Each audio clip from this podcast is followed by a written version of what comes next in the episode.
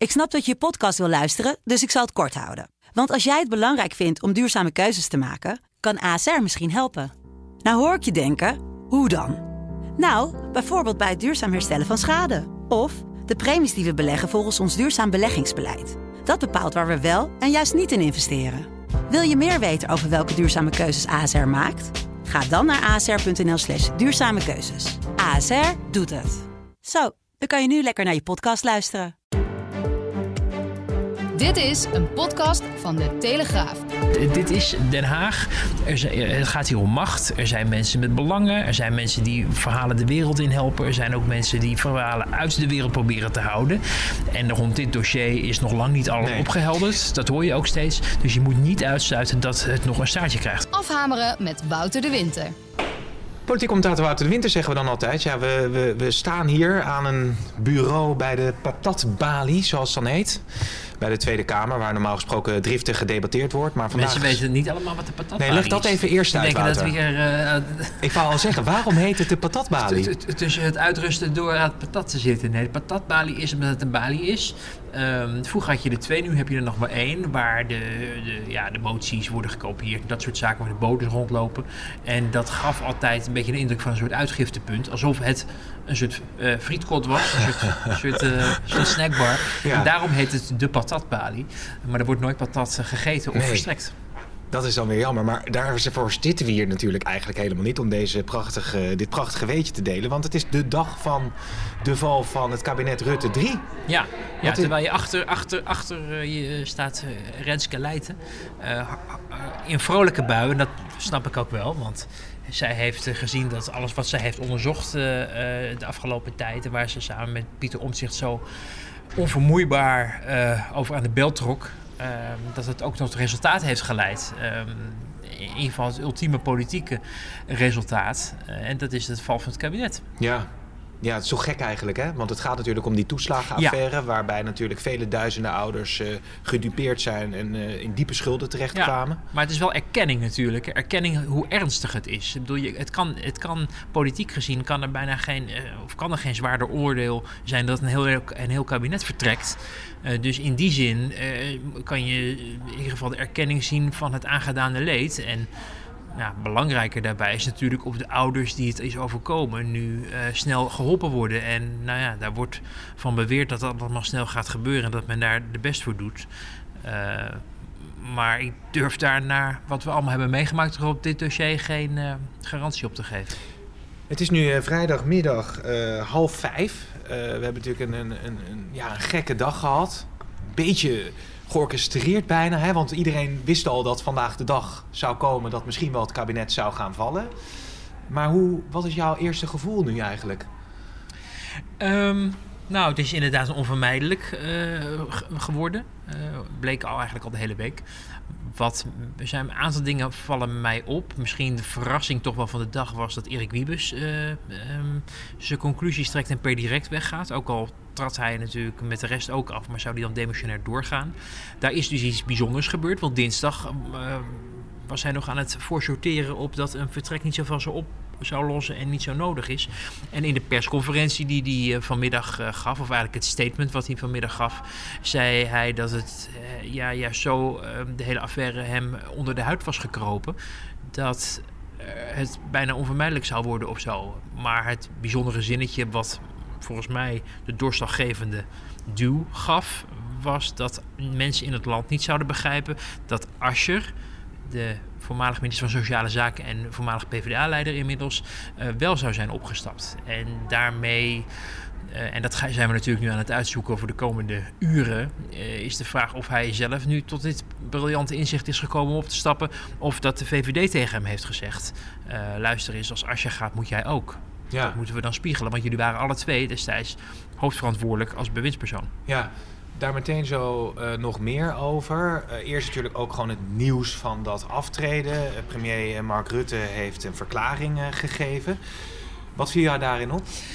Nou, heel bijzonder natuurlijk dat, hij, dat hij dit doet. hè. Het is altijd een moment van parlementaire geschiedenis op het moment dat een premier zijn ontslag moet gaan indienen bij, bij de koning of de koningin. dat is Rutte natuurlijk al in het eerste kabinet gebeurd. De tweede is wel tot de eindstreep blijven zitten. En de derde valt nu in het zicht van de haven.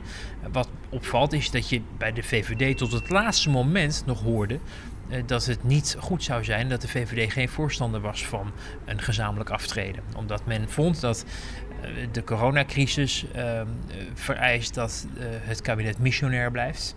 En je zag wel in de loop van de week natuurlijk wat, wat, wat inleidende uh, relativeringen van Rutte. Dat hij ineens op een vraag van collega Niels Richter bij de coronapersconferentie zei dat het kabinet in ieder geval missionair moest blijven op het aanpakken van de coronacrisis. Waardoor je al de indruk kreeg dat er kennelijk een scenario bestond of een mogelijkheid bestond dat het kabinet uh, zou aftreden en demissionair zou worden.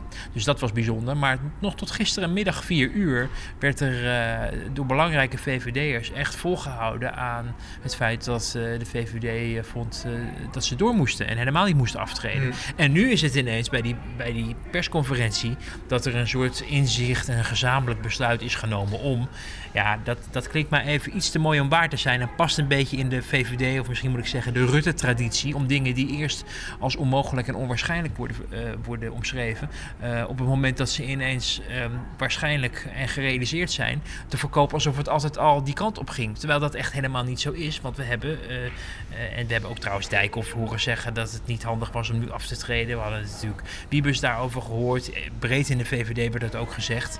dus daar is ook iets bijzonders gebeurd. En je hoort ook achter de schermen van, vanuit de andere coalitiepartijen dat ze eh, het wel heel um, nou ja, vervelend vonden dat eh, de VVD ja, zo duidelijk ook aan het begin van de week heeft gezegd van nou, als we hadden moeten aftreden, hadden we dat eerder moeten doen en niet nu of zo. Dat heeft hmm. echt tot scheve gezichten geleid. Ja, je kan het misschien van twee kanten benaderen, de, hoe Mark Rutte dit aanpakt. Uh, je kan zeggen van nou, hij heeft gewoon een, een, een, een heel goed politiek instinct en weet wat hij op welk moment moet doen.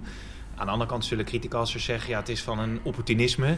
Van heb ik met jou daar. Ja, en dat, dat, ik ben geneigd ook een beetje in het laatste mee te gaan. Want als dat briljante politieke instinct er geweest zou zijn, dan had je uh, met al je ervaring en al je inzichten um, en al je vertakkingen in de VVD en in het landsbestuur en in de ambtenarij uh, eerder een betere actie moeten ondernemen op dit probleem. Ja.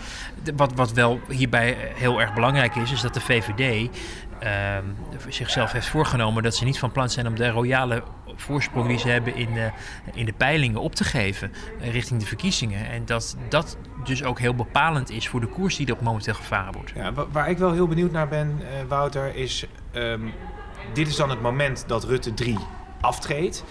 Asscher heeft zijn conclusies getrokken, Wiebes heeft zijn conclusies getrokken. Is dit een eindstreep of krijgen we hierna nog steeds dat het doorsluimert en dat misschien toch nog kopstukken waarvan je het niet mm -hmm. verwacht in de -hmm. problemen gaan komen? Want bijvoorbeeld een Wopke Hoekstra is toch minister van Financiën, is ook lijsttrekker van het CDA. Ik sprak met mensen op straat, mm -hmm. ja, die zeggen allemaal, ja, weet je, de hele politiek en het moet ja, allemaal. Ja. Dat, dat, dat hoor je natuurlijk wel, die geluiden. Ja. Maar goed, dan vind ik wel dat je altijd uh, toch een poging moet doen om het ook uit te leggen hoe dingen zijn gegaan. Bij en, die mensen ging dat vrij lastig hoor, over het algemeen. Ja, nu ben ik niet of die, of die mensen die, die daar stonden te schreeuwen nou ex, exemplarisch zijn voor het gevoel bij de Nederlandse bevolking. Want laten we wel wezen, uit de opiniepeilingen van de afgelopen weken, er zijn er meerdere gehouden, is, is steeds gebleken dat men juist wel vond dat de politieke consequenties moesten volgen, maar niet dat het kabinet weg moest. En dat hing ook mede af van de coronacrisis. Dus Um, uh, kijk, Hoekstra is inderdaad interessant. Ik sprak ook vandaag iemand die zegt dat uh, daar nog niet het laatste woord over gezegd is. En die heeft het ook over dat er in de ambtenarij, uh, als dit nog een juridisch staartje krijgt en mensen onder Ede misschien in de rechtszaal moeten verklaren wat er is misgegaan, uh, ook nog wel iets over Hoekstra te zeggen hebben. ja, dat is tot nu toe juist niet echt gebleken. Hè? Nee. Hij leek eerder iemand die uh, toch wel een paar uh, 100 ouders in de tijd dat hij politiek verantwoordelijk werd na het aftreden van Menno Snel uh, nog heeft geholpen. Dus zijn positie leek daarmee en ook in het, in het verhoor maakte hij een kordate indruk als iemand die wel zag waar het misging. Bijvoorbeeld in de informatievoorziening vanuit uh, de, de, ambtenarij naar, um, naar, de, naar de bewindspersonen. En dat hij degene is die op een gegeven moment heeft gezegd: ja, maar zo kunnen jullie niet een staatssecretaris of een minister de Kamer insturen met deze halve informatie. Nee. Als het gaat dus om die informatievoorziening. En je zag toen in die commissie ook wel een, een, een zucht van, van, van herkenning. Van hè, hè, er is nog iemand die het doorheeft Ja. en die er wat tegenin heeft gebracht. Uh, maar goed, dit is Den Haag. Er zijn, het gaat hier om macht. Er zijn mensen met belangen. Er zijn mensen die verhalen de wereld in helpen. Er zijn ook mensen die verhalen uit de wereld proberen te houden. En rond dit dossier is nog lang niet alles Nee. opgehelderd. Dat hoor je ook steeds. Dus je moet niet uitsluiten dat het nog een staartje krijgt. Maar wie uh, in, in de spin die nu gaat komen, uh, staat er volgens jou uh, het sterkst voor? Dat is natuurlijk wel interessant richting de verkiezing, want die zijn tenslotte al 17 maart. We gaan bijna het, uh, het, ja, het, het, verkiezingsreces in. Kijk, het is voor als een kabinet aftreedt en uh, de grootste partij die ook in de, in de peilingen de grootste indruk maakt momenteel hè, met, met de VVD van Mark Rutte, eind 30, begin 40 uh, qua zetels, dan is er, als er iets vervelends gebeurt met een kabinet natuurlijk als eerste die partij die er nadeel aan zou kunnen ondervinden. Um, er zijn nog wel twee maanden te gaan tot de verkiezingen. Als het morgen verkiezingen zou zijn, zou het effect misschien groter zijn dan als het over twee maanden is. Maar dat is een beetje hoe het, hoe het werkt. Om er nou voordeel, uh, ja, je zou zeggen de oppositie. Uh, maar goed, die hebben nu gekregen wat ze willen. Als je bijvoorbeeld kijkt naar de SP en GroenLinks, die alle twee riepen op het aftreden. Nou, de boel is nu afgetreden. Uh, en er zijn nog twee maanden te gaan voordat de verkiezing is. Mm. Dus met welk ding ga je nu, ga je, ga je nu, nu ze die politieke consequentie hebben getrokken, die partijen dan om de oren staan? Ja, u heeft het verkeerd gedaan. En dan zeg je, ja, maar we zijn afgetreden. Um, wat je wel hoort uit de coalitie, is dat um, men ook wel zag dat als je niet zou aftreden, dan zouden die partijen, bijvoorbeeld Jesse Klaver van GroenLinks, tot aan de verkiezingen twee maanden kunnen roepen: jullie nemen je verantwoordelijkheid niet. Nee. Dus men heeft geprobeerd ook de oppositie een wapen uit handen te slaan door nu dit te doen. Ja, en ze hebben misschien uh, besloten om als geheel nu af te treden in goede verstandhouding. We hebben niet, niet, niet, niet uh, Ja. geruzie gezien uh, wat we normaal bij een val van een kabinet wel eens zien. Ja. Maar uh, broeit er wel wat, denk ja, jij? om, het, nou- om nou te zeggen dat het allemaal van een leien dakje ging, dat geloof ik niet. Ik denk dat er wel degelijk, vooral aan het begin van de week, hè, toen, toen Rutte heeft gezegd van ja, we hadden eerder moeten aftreden en nu is het te laat of zo, dan zag je aan dat er heel erg werd tegengestribbeld door de Ja. VVD. En dat heeft die andere partijen eh, ja, ook wel verstoord. Dat hoor je ook wel, dat mensen dat niet, niet netjes vonden. Eh, en, en ook zich een beetje voor het blok gezet eh, voelden, terwijl de ernst van de situatie en misschien een wat serieuzere afweging eh, vereist dan eh, te gaan zeggen: ja, daar had je eerder mee moeten komen, want nu is het te laat of Ja. zo. Ja. Ehm, dus ehm, er is wel wat irritatie geweest. Ik denk wel dat gisteren het besef is doorgedrongen.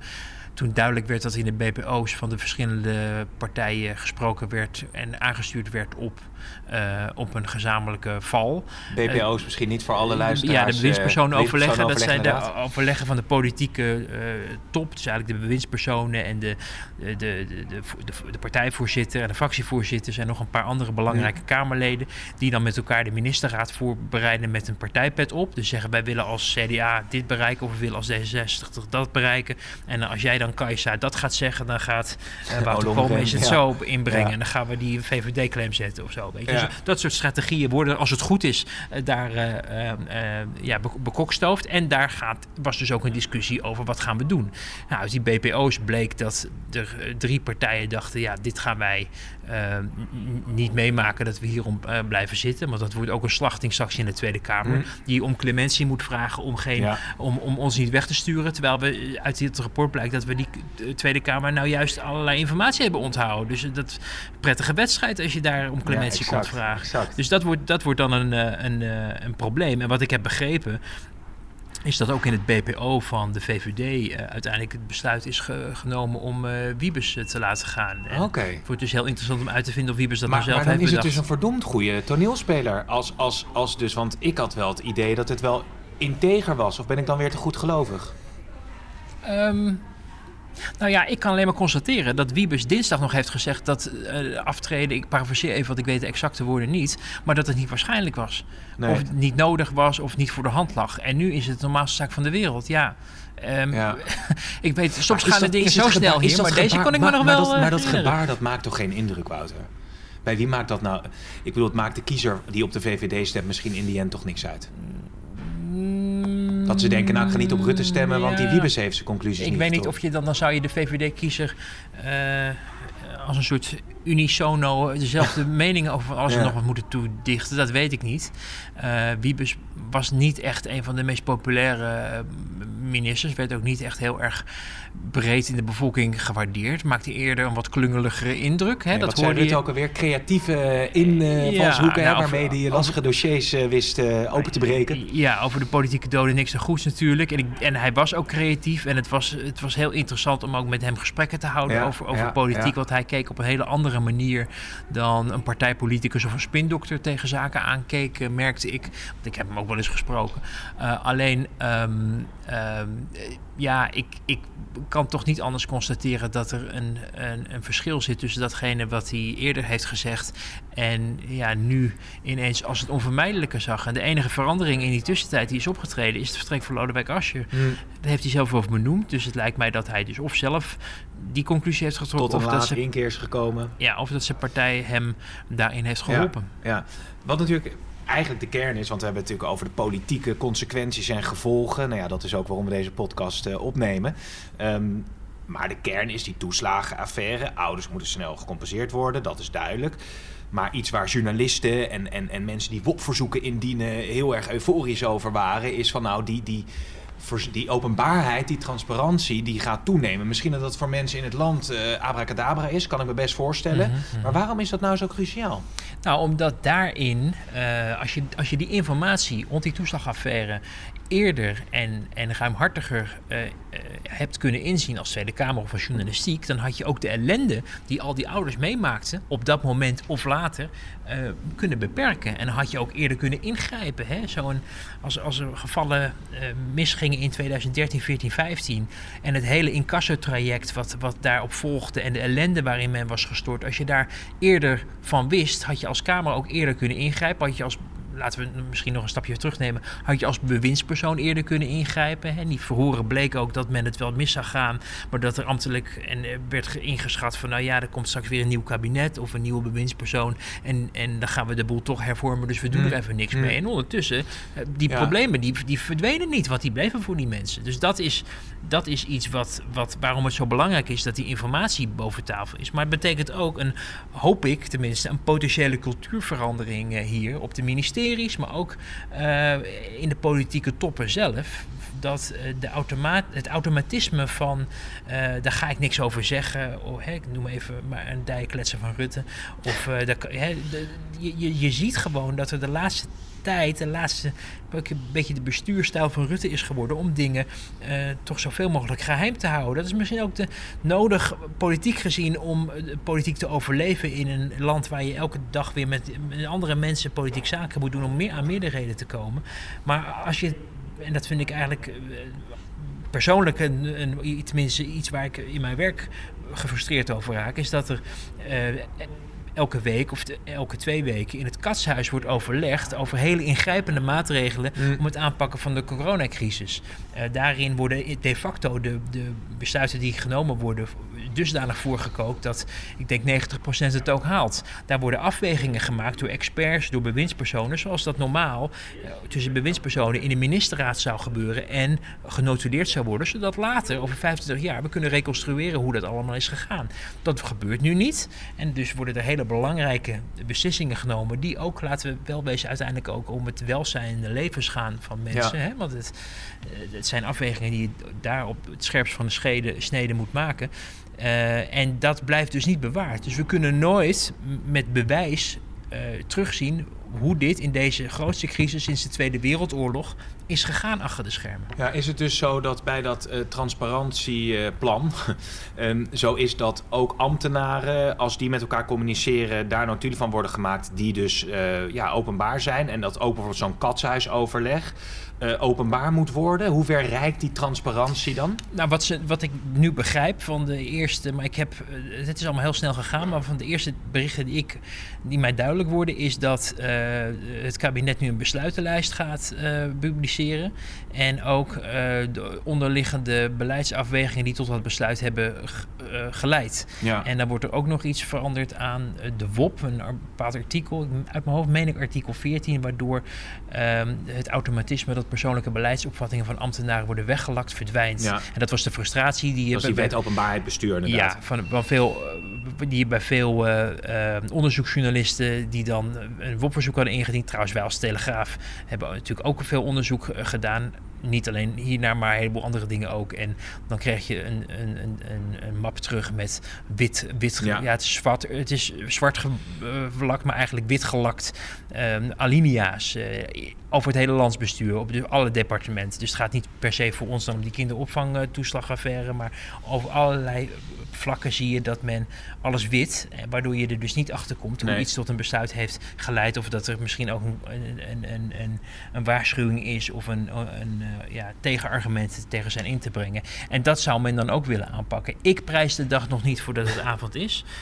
Want ik heb ook uh, met enige regelmaat uh, de ministerraadagenda kunnen bekijken. En jij trouwens ook, Pim, als ik me niet vergis. Ja. En als je daar uh, de formuleringen ziet, dan zijn ze weliswaar openbaar op een gegeven moment, maar dan zijn ze zo cryptisch dat je uh, daar weinig chocola van kan maken als je niet ook een uh, fysieke leeswijzer hebt die je kan nee. vertellen wat zo'n formulering betekent. Dus het gaat ook om een mentaliteitsverandering die plaats moet vinden buiten allerlei regels die je ja. uiteindelijk bedenkt. Um, waar staan we nu, Wouter? Want ja, bij de maar figuurlijk. Uh, volgende week is dus wel degelijk dat debat over die toeslagenaffaire dinsdag naar ik meen, of woensdag. Ik weet het even niet Ergens uit mijn hoofd. Um, je zei net al, ja, ze wilden een slachting uh, voorkomen. Uh, daarmee uh, is dit besluit ook op voorhand genomen. Hoe, zou, hoe, hoe gaat zo'n debat nu? Hoe, hoe, hoe, is de politieke sfeer? Het is toch een beetje een gekke tijd nu. Coronacrisis, verkiezingen komen eraan. Ja. Uh, toeslagenaffaire die, die, die doorcijpelt. Ja, nee, dat wordt, dat wordt natuurlijk heel merkwaardig. En um, ook wel weer heel interessant als je al de, de reactie van de Pieter Omtzigt bekijkt. Dat hij zegt van dat het niet alleen maar bij een nee. symboliek moet blijven door af te treden, maar dat er ook een pittig debat, debat wacht om te kijken of datgene waar hij zich nou al die jaren inmiddels over druk heeft gemaakt, of datgene wat het kabinet nu van plan is, uh, daar een voldoende antwoord op geeft. Ja.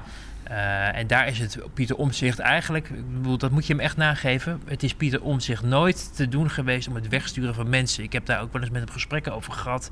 Dat ik zei, ja, je loopt nu al zo lang te klagen dat die, diegene geen informatie geeft. Waarom stuur je hem niet gewoon weg? En hij zegt, ja, dat is het probleem niet. Het probleem is dat je daarmee niks oplost. Ja, hij, dan... ook, hij is ook allergisch van bijna. Als ja. we hadden dinsdag een gesprek met hem waarin hij zei... ja, waarom gaat het altijd over het wegsturen van? Uh, ja. Het gaat over de inhoud en het gaat over de reactie die ik wil hebben. En ik wil daarop doorpluizen. Nee, en, en eerlijk, bedoel, eerlijk is eerlijk. Hij heeft dat gewoon, uh, uh, hij heeft dat gewoon heel goed gedaan. Um, en um, hij heeft ook nooit gevraagd dat het kabinet moest aftreden. Dat gebeurt nu wel. Dat kan je wel zien als een erkenning van zijn werk, ja. net als dat bij Renske Leijten het geval is. Uh, maar wel, um, ja, uh, zo'n debat wordt dus nog wel heel interessant. Ook omdat die ouders natuurlijk nog steeds op oplossingen zitten te wachten. En alleen al voor hen is het denk ik belangrijk dat de Kamer dat debat nog steeds heel erg serieus neemt. En zo nodig, als er nog niet voldoende wordt veranderd en in gang wordt gezet door het kabinet, alsnog dat kabinet daartoe te dwingen. Ja, want. Um het is natuurlijk ook zo dat een advocaat al namens gedupeerde aangifte heeft gedaan tegen vijf huidige of oud uh, bewindslieden. Dat speelt nog. Um, er kwam net een bericht naar buiten dat er gedoe is rondom de uitkering van die 30.000 euro, waarvan de Belastingdienst alweer een deel schijnt uh, op te eisen. zijn natuurlijk ook berichten die wij net binnenkrijgen. Ja. Dus dit gaat nog door. Dit gaat nog door tot de laatste ouder uh, gecompenseerd is. Uh, en dat betekent dus dat dit kabinet um, daar ook nog mee aan de slag moet. Maar ik denk ook vooral het volgende kabinet, als het gaat om uh, het aanpassen van de toeslagen en het hele systeem. Ja. Dat wordt wel echt een hele zware opgave ook voor het komende. Want het is allemaal niet zo makkelijk. Hè? Want als het allemaal zo makkelijk was, dan was het al aangepakt en was het al opgelost. Want er wordt in dit land al, al, nou, ik werk hier nu 16 jaar. Uh, maar daarvoor al gesproken over dat er een einde moet komen aan het rondpompen van geld. Hm. Hè, met, met belastingen en toeslagen. En eh, politieke partijen willen dat heel graag. Een belastingdienst zegt het is allemaal ingewikkeld, het lukt niet zomaar. De systemen kunnen het niet aan. Hele taaie materie. Dus je zal, uh, ik, ik, geef het je te doen als je staatssecretaris of staatssecretarissen van belastingen wordt in het volgende kabinet. Want het wordt, wordt een zware taak. Wil je nog uh, iets uh, delen met uh, onze lieve luisteraars? Ik weet niet of we al aan de bonusminuten zitten. Ja, er is zoveel te bespreken. Nou, de, we gaan volgende week natuurlijk weer door over de De, de luchtige bijdragen zijn altijd van jou, hè? Dus dan, ja, daar ik, vertrouwen joh, de mensen op bij jou. Ik heb even niks luchtigs meer. ik denk dat iedereen na deze politieke week ook wel even um, politiek wil bijkomen. En in sommige gevallen wat wil bijslapen. Ik noem verder geen namen. Uh, maar het was me het weekje wel. En een in, ja, spannende inleiding richting verkiezingen. Want die komen nu wel heel erg dichtbij. En je zal zien, we hebben het er vorige keer ook over gehad. Dingen gaan echt eh, zo in het teken staan van die verkiezingen. Dat je eigenlijk alles wat politici moeten, wat politici zeggen, ook wel eh, in dat kader moet, uh, moet plaatsen, denk ik. En dat geldt ook voor uh, wat de premier vandaag zei, maar ook de reacties daarop van, uh, van de oppositie en coalitie. Ja, en zo houden we er om vijf uur ongeveer op 15 januari 2021 mee op. de dag dat het kabinet Rutte 3 is gevallen, zeggen we dan. Ja. Wouter, dankjewel.